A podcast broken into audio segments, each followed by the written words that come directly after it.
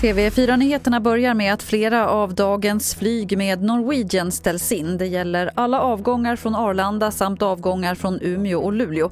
Norwegian meddelar också att man permitterar ytterligare 1600 anställda och parkerar 15 av de 21 plan som varit i luften den senaste tiden.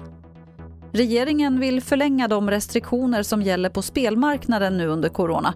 Det gäller till exempel insättningsgränsen på 5 000 kronor i veckan och bonustak. Och regeringen vill att det här blir kvar till juni nästa år. Det här sa socialförsäkringsminister Ardalan Shekarabi på en pressträff tidigare idag.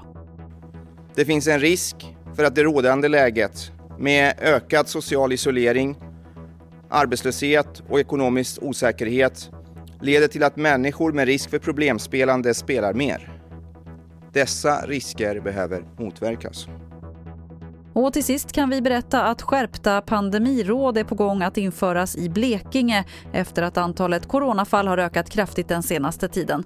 Under eftermiddagen ska regiondirektören och smittskyddsläkare hålla pressträff och berätta vad som kommer att gälla.